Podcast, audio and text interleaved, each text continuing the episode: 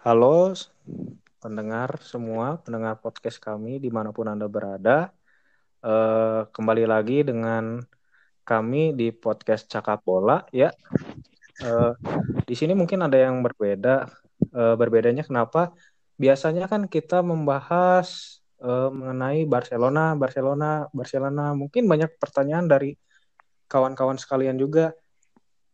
Kan podcast ini cakap bola di awal mungkin kami juga bilang bakal membahas banyak tentang tim-tim mungkin yang ada di Eropa ini dan juga membahas banyak pertandingan gitu. Selama ini kan kita bahas, hanya membahas seputar Barcelona saja gitu.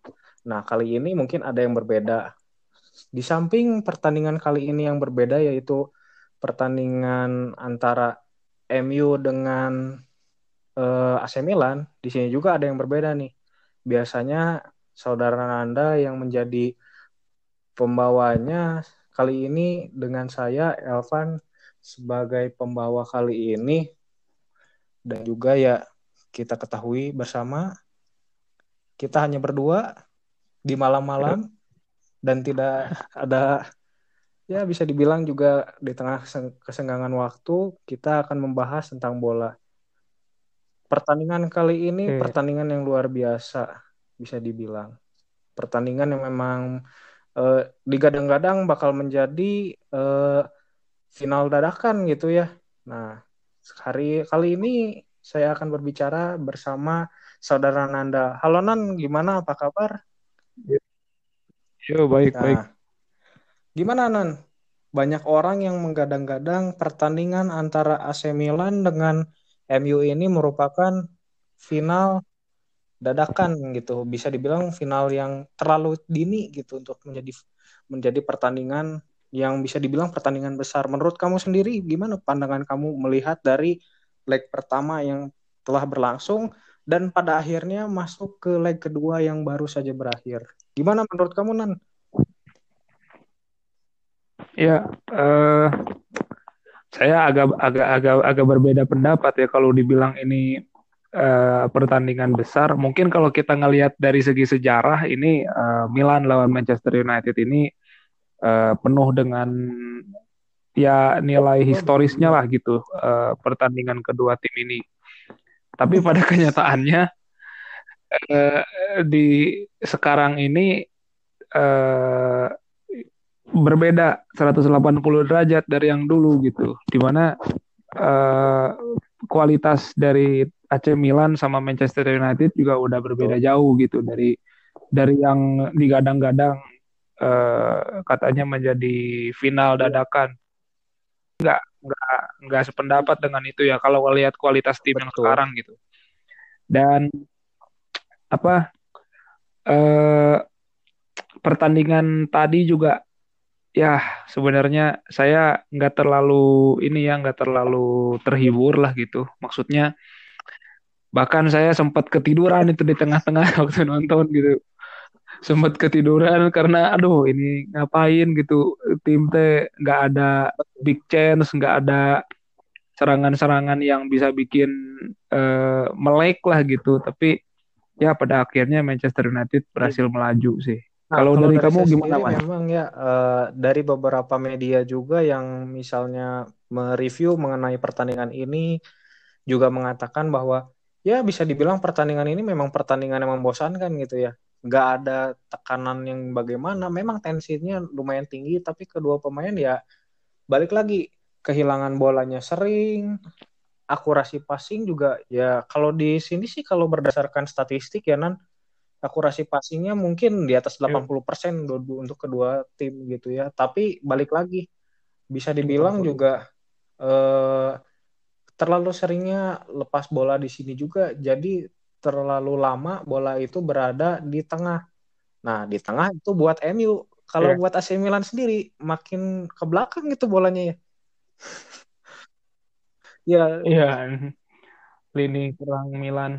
Uh, kacau ya tadi aduh megang iya. bola bisa bilang mah sekarang lebih sering maju agak ke depan gitu ya untuk menerima bola dan juga memajukan itunya apa untuk memajukan juga bola ke area pertahanan lawan gitu ya.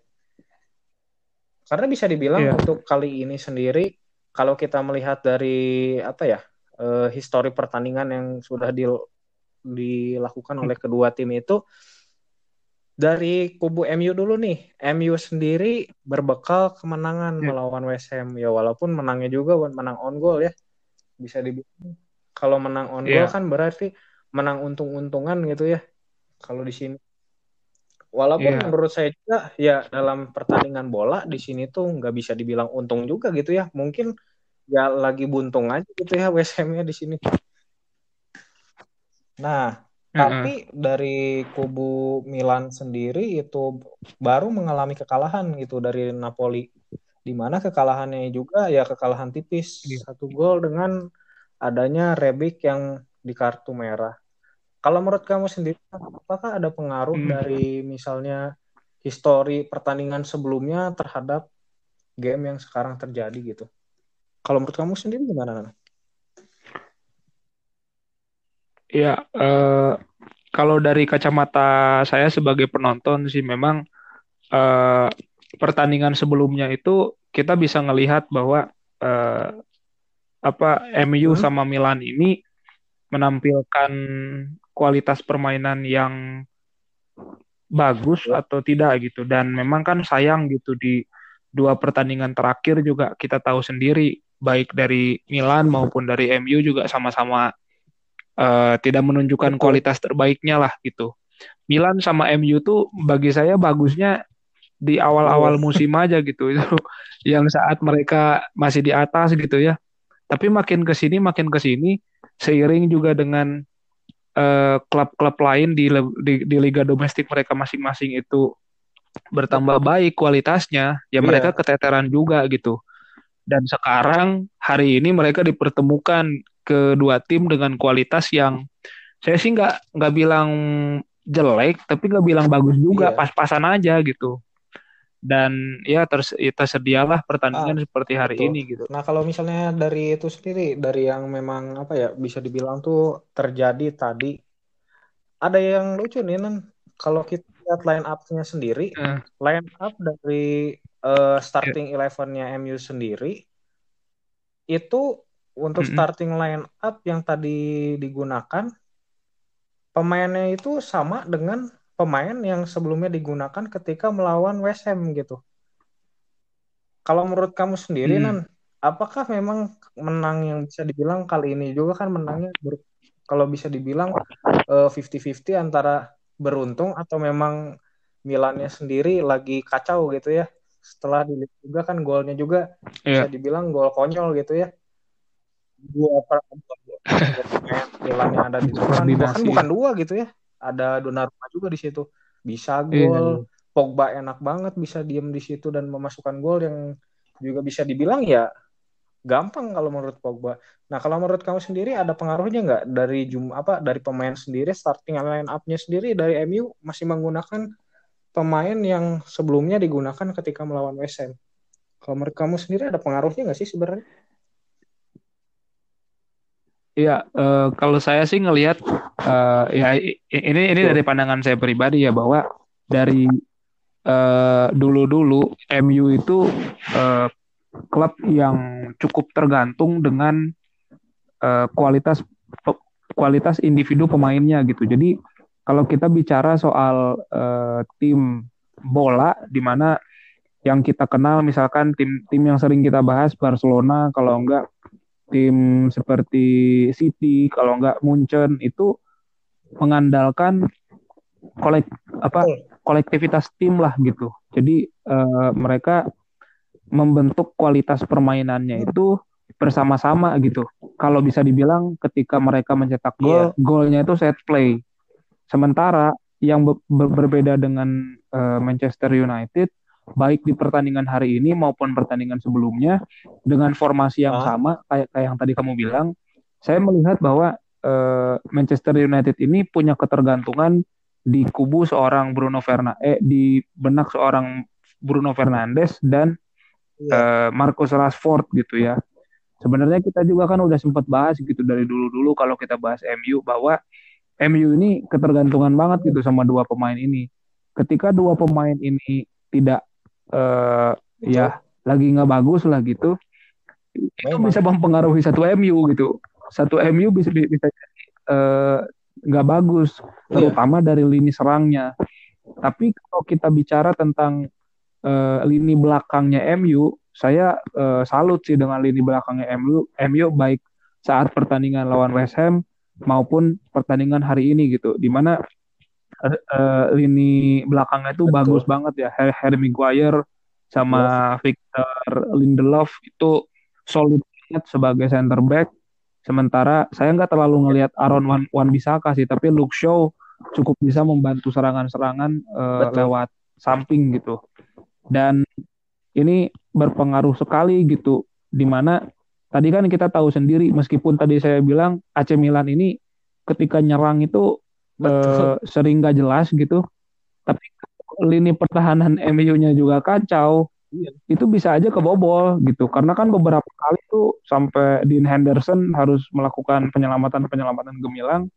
Kalau nggak ada Maguire sama Lindelof Betul. Uh, ya bisa aja kebobol gitu. Bukan nggak mungkin. Jadi kalau ngomongin ya center dua center back ini apalagi Maguire ya biasanya orang suka bikin lucu ya, tentang Harry Maguire gitu ya suka, suka ngelawak. Tapi iya dan tapi kalau sebenarnya meskipun dia sering ngelawak gitu ini pemain bagus gitu. Ini tuh defender bagus dan itu dibuktikan di Betul. pertandingan dan tadi kalau misalnya gitu. kita lihat statistik juga di beberapa pertandingan terakhir memang bisa dibilang uh, Victor Lindelof juga Harry Maguire di sini juga bahkan Luke Shaw juga uh, ratingnya juga lumayan tinggi gitu ya di atas 7 selalu seperti itu. Makanya saya mikir ya kalau orang bicara Maguire itu lebih cocok jadi pelawak ketika main bola ketimbang jadi back itu menurut saya salah gitu ya. Bisa dibilang bagus. Sebenarnya bagus cuman ya iya. ya itulah yang namanya apa kalau udah ada cap dari orang kan ya susah itunya gitu ya udah dibilang lord iya cuma memang cuma memang kadang kalau oh, iya. kalau ngelawaknya tuh aneh-aneh gitu adalah yang tiba-tiba kepleset gitu kan sampai lawan bisa ngerebut bola ah. tapi nah, sebenarnya kalau misalnya bagus bilang gitu. yang tadi nan kan tadi juga kamu sempat nyentuh nama Bruno Fernandes dan juga Marcus Rashford ya yeah. nah kedua tim ini eh kedua tim kedua pemain mm -hmm. ini bener nan kata kamu tadi main gak terlalu kelihatan ya untuk keduanya Nah, kalau menurut kamu nih, ya Nan, mm. benar nggak sih Betul. Eh, strategi dari oleh sendiri untuk mengeluarkan Rashford dan memasukkan Pogba di sini? Yang akhirnya kan memang akhirnya gol gitu ya. Kalau kamu sendiri bagus gak sih? Nah, iya. Strategi. Uh, saya ngelihat memang Manchester United cukup uh, bukan cukup apa lebih solid lah gitu ya pas di babak kedua. Meskipun solidnya nggak solid solid amat. Dan kalau bicara tentang Pogba yang mencetak gol ya menurut saya itu cuman satu apa ya cuman yeah. cuma cuman satu peristiwa doang lah gitu. Pogba mencetak gol udah itu doang gitu. Bahwasanya dia menunjukkan permainan yang uh, lumayan ya betul tapi menurut saya uh, dengan masuknya Pogba tidak terlalu berpengaruh sih.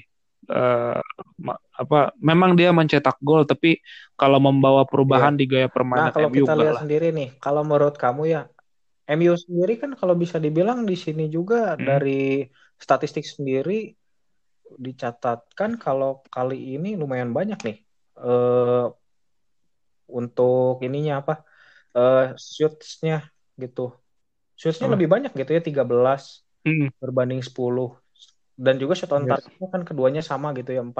Kalau menurut yeah. kamu nih sebenarnya kalau misalnya tadi kan di pertandingan kita juga uh, ngelihat beberapa kali uh, Daniel James itu membawa bola gitu.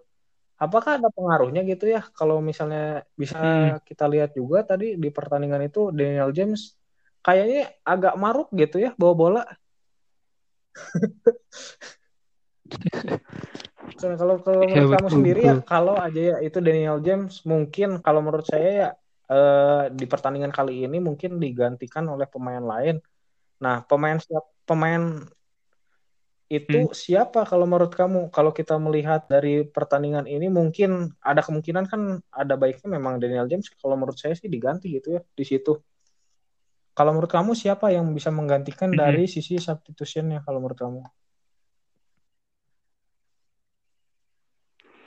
Kalau dari segi substitution saya jujur saya nggak nggak nggak tahu ya apakah pemain-pemain yang saya ya. mention ini lagi cedera atau enggak tapi MU kan masih punya pemain-pemain seperti Juan Mata misalkan, yang memang uh, sekarang udah jarang kelihatan juga. Lalu uh, saya mikir kenapa uh, Mason Green uh, Cavani nggak masuk aja gitu untuk menggantikan Mason Greenwood ini. Saya nggak nggak tahu nih apakah si Cavani cedera atau gimana. Tapi biasanya Cavani itu selalu tampil menjadi super sub gitu. Dia bisa apa bisa menciptakan uh, hmm. gol dan peluang yang lebih besar. Uh, uh, sementara kalau tadi ngelihat Mason Greenwood uh, enggak lah ya saya saya enggak ngelihat dia ada uh, bisa membawa peluang-peluang berbahaya untuk MU. Even itu Martial ya sama aja lah ini dua pemain gitu yeah. uh, sama-sama nggak jelas. Uh, tapi Van kalau tadi sedikit nyentuh soal kamu bilang MU ini melakukan Betul. banyak shots lebih banyak daripada Milan. Tapi tahu nggak berapa big chance yang dibuat MU selama iya. pertandingan? Emang nggak ada. Kosong, tidak ada chance. Ya, iya makanya uh, big chance-nya tuh nggak ada gitu. Jadi ya kita tahu sendiri bahwa lini serang MU ini uh, lagi nggak nggak jelas lah gitu selama bukan hanya di pertandingan ini gitu ya, selama beberapa pertandingan betul. terakhir memang lagi nggak jelas aja saya pikir lini serang akan dibantu dengan kreativitas di lini tengah Manchester United yang mana itu dikoordinasikan eh, oleh Bruno Fernandes tapi ya ya seperti tadi saya bilang ya sayang Betul. dia sedang tidak on fire nah, lah gitu juga kan memang sebenarnya pertandingan hari ini kan ada dialog gitu ya yang sempat ngegolin di pas hmm. leg pertama gitu. Diallo. Kalau menurut sendiri kan mungkin nggak sih kalau Diallo dimasukkan yeah, iya. bakal berbeda ketimbang Daniel James yang dimasukkan kan padahal Daniel James kemarin juga udah main gitu lawan WSM. Seharusnya kan uh, ada sedikit rotasi gitu ya di sini juga mengingat Daniel James juga waktu main lawan West Ham juga bisa dibilang nggak terlalu besar itunya gitu ya. Uh, ah benar dari uh, kontribusinya juga nggak iya. terlalu besar gitu. Nah kalau menurut sendiri kalau dari Ahmad Ahmad Diallo sendiri apakah uh. memungkinkan misalnya lumayan jadi lebih bagus? Uh, saya pikir enggak, tetap enggak karena kembali ya kalau ngelihat track record kembali yang tadi saya bilang mungkin diulang lagi bahwa kalau kalau lini kalau lini tengahnya tidak ada kreativitas dari seorang Bruno Fernandes itu mati sih. Mau mau siapa pun yang masuk gitu karena MU ini dari lini serang amat sangat bergantung dengan uh, kreativitas dari yeah. Bruno, dari Rashford gitu. Saya nggak nggak tahu nih, memang kalau Rashford mainnya di di sisi kiri ya, bu, bu, bukannya yeah, bukan di, di depan tuh, ya. Uh, emang emang di kiri ya. Di sisi kiri. Uh, di beberapa Ah, di kiri ya. Oh iya di depan biasanya Martial kan. biasanya Martial, Cavani. Mungkin di pertandingan kali ini mereka nggak dibawa gitu ya. Gitu. Memang sih kalau untuk hmm. pertandingan hmm. kali yeah, ini yeah. juga ada sesuatu yang memang lucu kalau bisa ditanya uh, Maguire ngapain aja sih kali ini selain dijebret mukanya. Mungkin ada satu yang misalnya bisa kita lihat sebenarnya dia masih satu umpan yang lumayan terukur ke ke ini ke show yang hmm. tadi uh, sebenarnya itu bisa selanjutnya bisa ya, ya. menjadi itu apa menjadi sebenarnya gitu tapi ya balik lagi look show kan back ya bisa dibilang depannya aja gak ada ya udah gitu ya gak akan ya, nah dan finishingnya lah berpengaruh di mana ya. Daniel James dilanggar oleh Tomori Kalau menurut kamu sendiri nih, ya, Daniel itu James. tuh sebenarnya penalti atau enggak sih?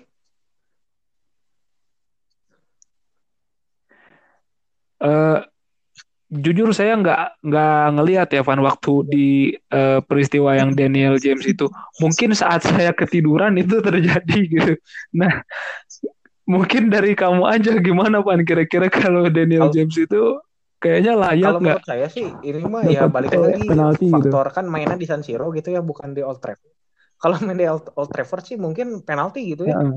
karena kalau ngelihat apa kalau ngelihat dari yeah. salah satu sisi memang kalau dari sisi depan ya dari depan itu memang uh, Tomori motong bola uh. gitu ya kelihatannya tapi kalau dari belakang Tomori itu bukan motong bola motong kakinya yeah. mm. Iya. Ya iya, bisa iya, dibilang iya. ya mungkin keras ya. Uh, lagi apes-apesnya MU gak dapat penalti gitu ya. Iya karena sempat iya, diperdebatkan juga benar -benar ya. Benar-benar kan penalti. Tomori juga apa bisa dibilang Daniel James pun kalau misalnya udah lewat Tomori pun tinggal hadap-hadapan sama Donnarumma gitu. Ya untuk pertandingan kali iya, ini iya, iya. bisa dibilang pertandingan yang agak ketimpang kalau menurut saya nan. Memang uh, di satu sisi uh, ya pertama ya yeah. kita bisa lihat uh, Milan bawa membawa kekalahan untuk melaju ke pertandingan ini sedangkan MU membawa kemenangan gitu. Dan satu lagi selain kalah hmm. juga ketiban tangga ini uh, yeah, yeah. AC Milan itu penyerangnya cedera semua.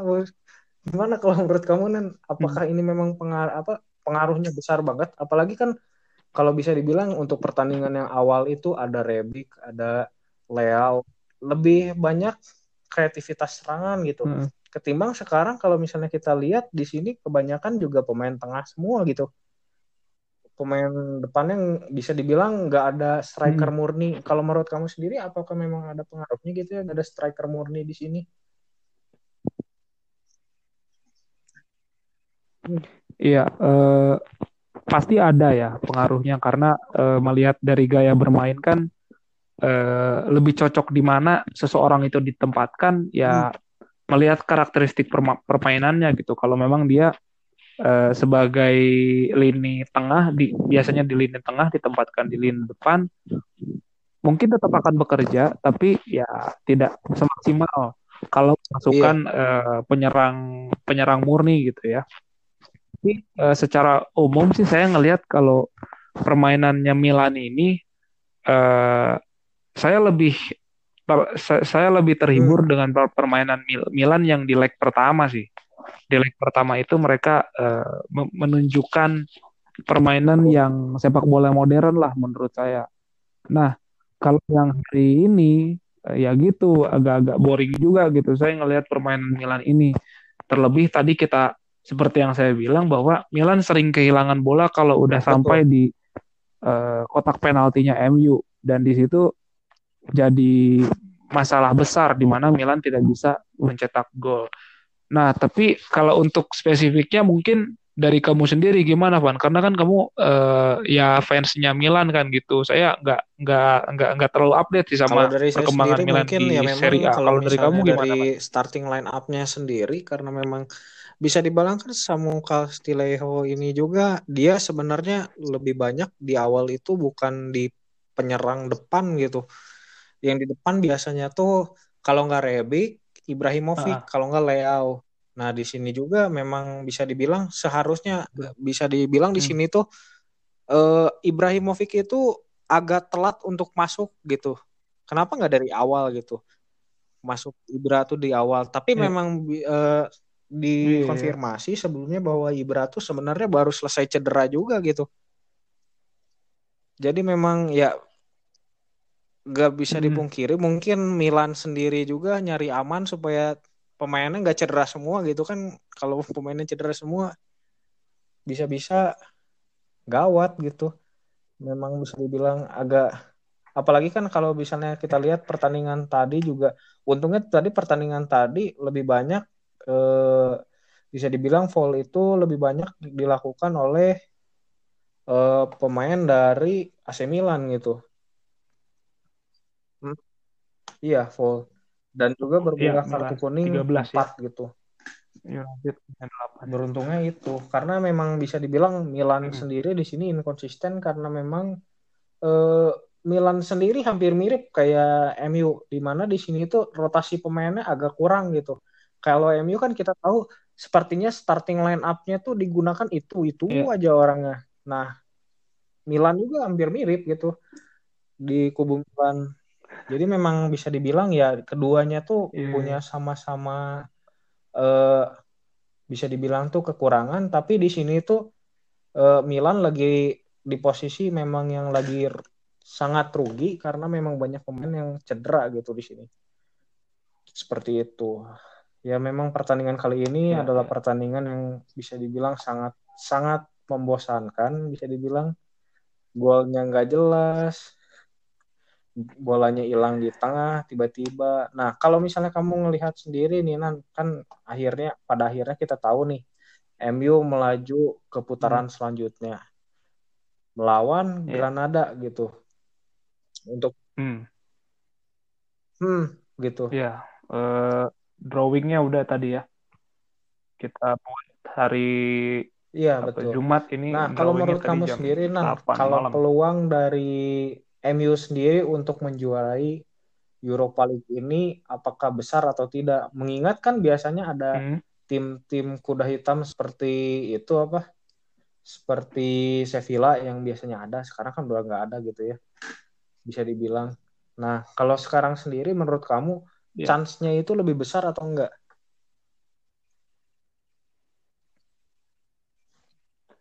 Ya, eh, seperti yang tadi kita kita saya udah sempat bilang bahwa hari-hari ini kan drawing ya bahwa Manchester United akan ketemu Granada, lalu ada Arsenal yang ketemu Slavia Praha, ada Ajax yang ketemu Roma dan Zagreb yang akan ketemu Villarreal. Dan tadi kalau pertanyaannya MU ya, yeah. apakah ada chance?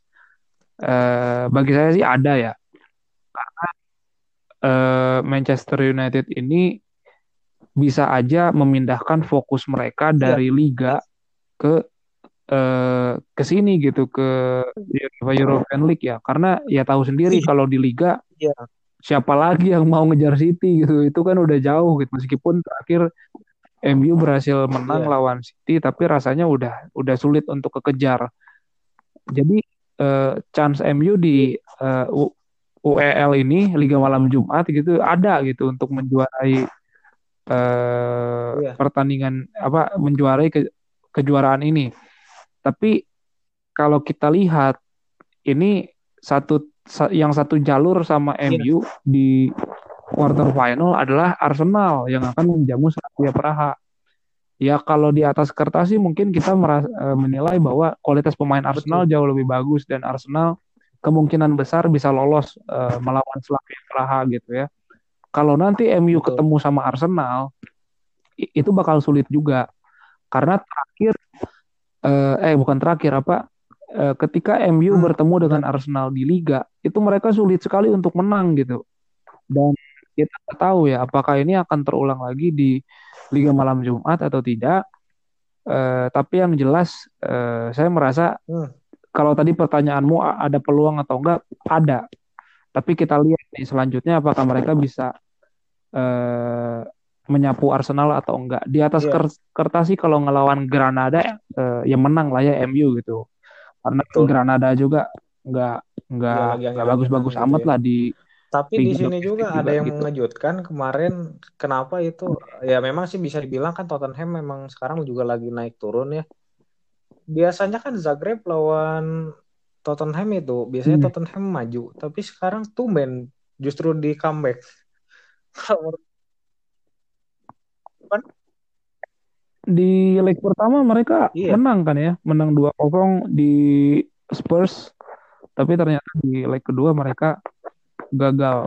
Dan tadi tadi siang saya ngelihat eh, postingannya salah satu akun medianya sepak bola dan di situ dimention eh, statement dari Jose Mourinho yang bilang katanya eh, saya minta maaf ke ke pendukung-pendukungnya Spurs karena saya sih ngelihat bahwa pemain Spurs pemain Spurs itu tidak serius gitu untuk uh, bertanding di ajang UEFA European League ini. Itu yang tadi disampaikan sama uh, Mourinho dan Mourinho bilang bahwa harusnya pemain Spurs bisa lebih profesional uh, untuk menganggap hmm. semua pertandingan yang mereka, mereka lewati itu adalah pertandingan yang penting.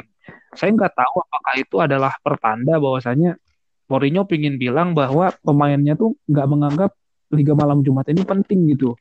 Nah itu itu saya nggak nggak nggak tahu ya bisa aja seperti itu karena di UEFA eh di UEFA apa di liga domestiknya juga kan mereka sedang dalam perebutan posisi uh, menuju Champions League kan. Jadi yang posisi berapa gitu yang empat besar ah. untuk uh, mendapat tiket ke Champions League di tahun depan. Mungkin mereka ingin memindahkan fokusnya ke situ. Iya. Kalau tadi kita mention dari pernyataannya Ju, apa, bisa Jose Mourinho sih, ya. Uh, untuk gitu. uh, Tottenham hmm. sendiri memang ya di atas kertas memang kan dia jebolan dari itu juga apa uh, bisa dibilang udah berapa kali juga uh, sering ada di uh, Champions League gitu ya. Hmm. Dan untuk sekarang sendiri kan Tottenham juga yeah, ada yeah. di peringkat ke-8 gitu. Dan nggak terlalu jauh untuk me untuk naik ke peringkat yeah. 4 gitu. Yang di mana sekarang peringkat 4-nya pun Chelsea.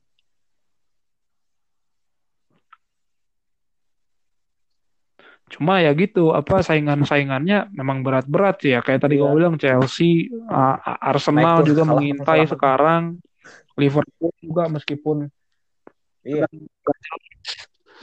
tapi tetap berbahaya gitu. Jadi kebutuhannya sangat uh, ketat dan mungkin pemain Spurs ingin memindahkan fokus mereka daripada ke Liga iya. Malam Jumat. Di samping kan kalau Arsenal kan ya uh, tahu lah Liga domestik aja gitu. SSB Arsenal kan ya kalau nggak menang piala kaleng-kaleng kayak piala FA ya mau ngejar piala apa lagi gitu ya. Iya. Iya, Arsenal juga pasti punya nah, motivasi nah, tinggi jadi memang bakal seru untuk ke depannya ini. mungkin untuk apalagi kalau memang benar nanti Arsenal melaju ya apa setelah mengalahkan Praha gitu.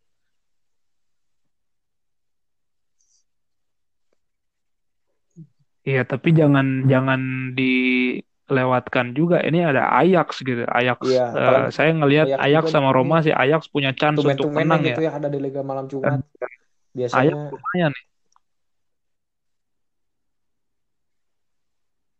iya ta tahun lalu atau berapa iya. tahun uh, atau dua Betul. tahun lalu ya mereka di semifinal Champions League kan tapi tapi Ajax seperti yang kamu tahu mungkin Betul pemain-pemain bagusnya tuh dicomotin sama klub-klub besar gitu. Jadi ya udah iya. mereka Membangun terbenam lagi gitu. Pemainnya nggak ya, ada. Harus kita comot-comot lagi dari SSB-nya juga mungkin.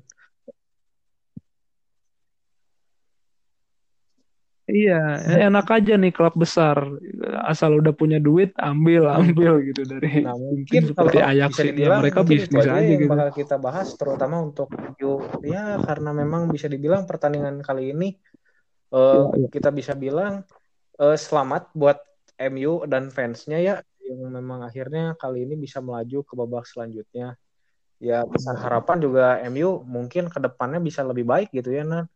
Karena hmm. memang bisa dibilang juga di sini juga MU punya potensi besar gitu iya. untuk jadi tim besar apalagi bisa sampai posisi kedua gitu untuk kali ini. Dari awalnya memang posisi di bawah gitu. Untuk mirip-mirip kayak Barcelona yang sekarang udah tiba-tiba ada di dua gitu. Betul Iya. iya. Eh, tapi kebalik Van sama Barcelona. Barcelona dari iya. bawah ke atas, MU dari atas. Ini mau mau, mau merangsek ke bawah nih yang katanya kata fansnya kan di puncak dingin ya dingin emang Nora aja lu kagak bisa tahan di cuaca dingin gitu. ya udah ke bawah aja gitu. tapi ya betul lah setuju semoga iya. jauh lebih baik lah MU ke iya, depannya ya, karena MU, kan MU kembali besar tim gitu besar gitu, kita di, bisa tidak kan. hanya di Europa League juga di Champions League juga sama gitu iya gitu siapa betul iya kasih tahu sama fansnya jangan terlalu Soalnya, membanggakan sejarah gitu. Lihat aja uh, sekarang gitu. juga lumayan gitu. Okay, banyak okay. yang berkembang. Dari awalnya Daniel James kalau megang bola kagak jelas, ngoper yeah. ke mana, ini ke mana. Fred juga mirip. Sekarang lihat kalau sekarang udah yeah. mulai lurus gitu ya tendangannya belok-belok ya. ke mana-mana ya mungkin itu aja kalau misalnya untuk pertandingan ini selamat hmm. untuk tim dari MU kita juga respect untuk kalian uh, mungkin memang apa ke depannya juga yeah. MU semoga semakin baik bisa menang untuk game-game nggak nggak hanya di Europa League aja ya dan mengamankan posisi dua ataupun misalnya kalau bisa nyalip gitu ya posisi satu yeah, yeah. kalau bisa di City gitu supaya yang kita tahu Manchester itu nggak blue lagi yeah. gitu ya Manchester jadi red gitu eh. iya sekarang sih blue lah Betul. kalau nah, ngomongin di samping liga itu sendiri ya, ya kita tahu jauh. tadi juga selain uh, ada drawing dari Europa League juga ada drawing dari uh, itu juga oh Champions League di mana ada yang menjadi perta apa pertandingan yang bisa dibilang ya. ini uh, siaran ulang atau rematch dari final gitu ya. Mantap, Bayern ketemu lagi sama PSG gitu. Ya. ya. Lalu di sini juga ada Borussia Dortmund oh, yang, yang akan ya. bertemu hmm. dengan City. Lalu ada uh, final yang terulang ke final final yang terulang kembali. Uh, Ini final ya, antara benar. Madrid bertemu lagi dengan Liverpool. Uh, dan yang terakhir ya mungkin ya penambah aja Liverpool. gitu ya. Uh, uh -huh uh, tim Hore dari Porto melawan uh-uh. lawan Chelsea gitu yang memang bakal seru mungkin ke depannya iya. kita juga bakal review untuk ke depannya iya, iya. ada pertandingan-pertandingan yang luar biasa ini apalagi ya untuk pertandingan ke depannya itu tensinya lumayan tinggi gitu ya untuk Champions League sendiri. Hmm gitu. Mungkin uh, ke depan ya, di bulan Mei selanjutnya. Ya mungkin ke depannya ya, kita bakal April, banyak ya review-review ke depannya pertandingan selanjutnya mungkin banyak hal yang memang pertandingan ke depannya dan yang ada pertandingan yang seru juga ini Barcelona kayaknya mau final ya.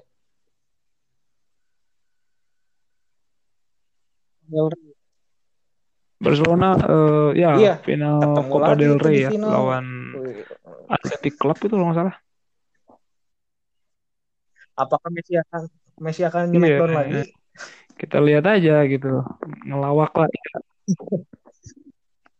Iya. ke lah, Naston uh, gitu. Peluang Barcelona untuk juara juga ke Hajar aja. juga besar gitu ya. Ini makin dekat nih.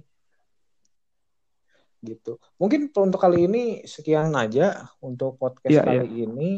Uh, dari pembahasan kita mengenai match yang sudah terjadi dengan kemenangan yang direngkuh oleh tim MU gitu atas AC Milan dan melaju ke putaran selanjutnya Europa League.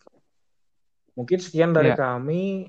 Uh, jangan lupa untuk kawan-kawan yang ke depannya yeah. jangan lupa untuk mendengarkan podcast-podcast selanjutnya di mana kami juga akan membahas beberapa pertandingan yang mungkin lebih besar gitu ya. Apalagi semakin mendekati akhir dari uh, musim kali ini mungkin hmm. akan semakin ketat gitu. Uh, semakin seru gitu. Jangan lupa dengarkan podcast ya, kami. Mohon maaf jika ada per, apa ada salah untuk uh, podcast kali ini. Sekian, terima kasih untuk waktu Anda untuk mendengarkan celotehan kami ya yang lumayan ya muter-muter juga sih. Ada ke sana, ada ke sini. Mungkin sekian dari kami. Terima kasih.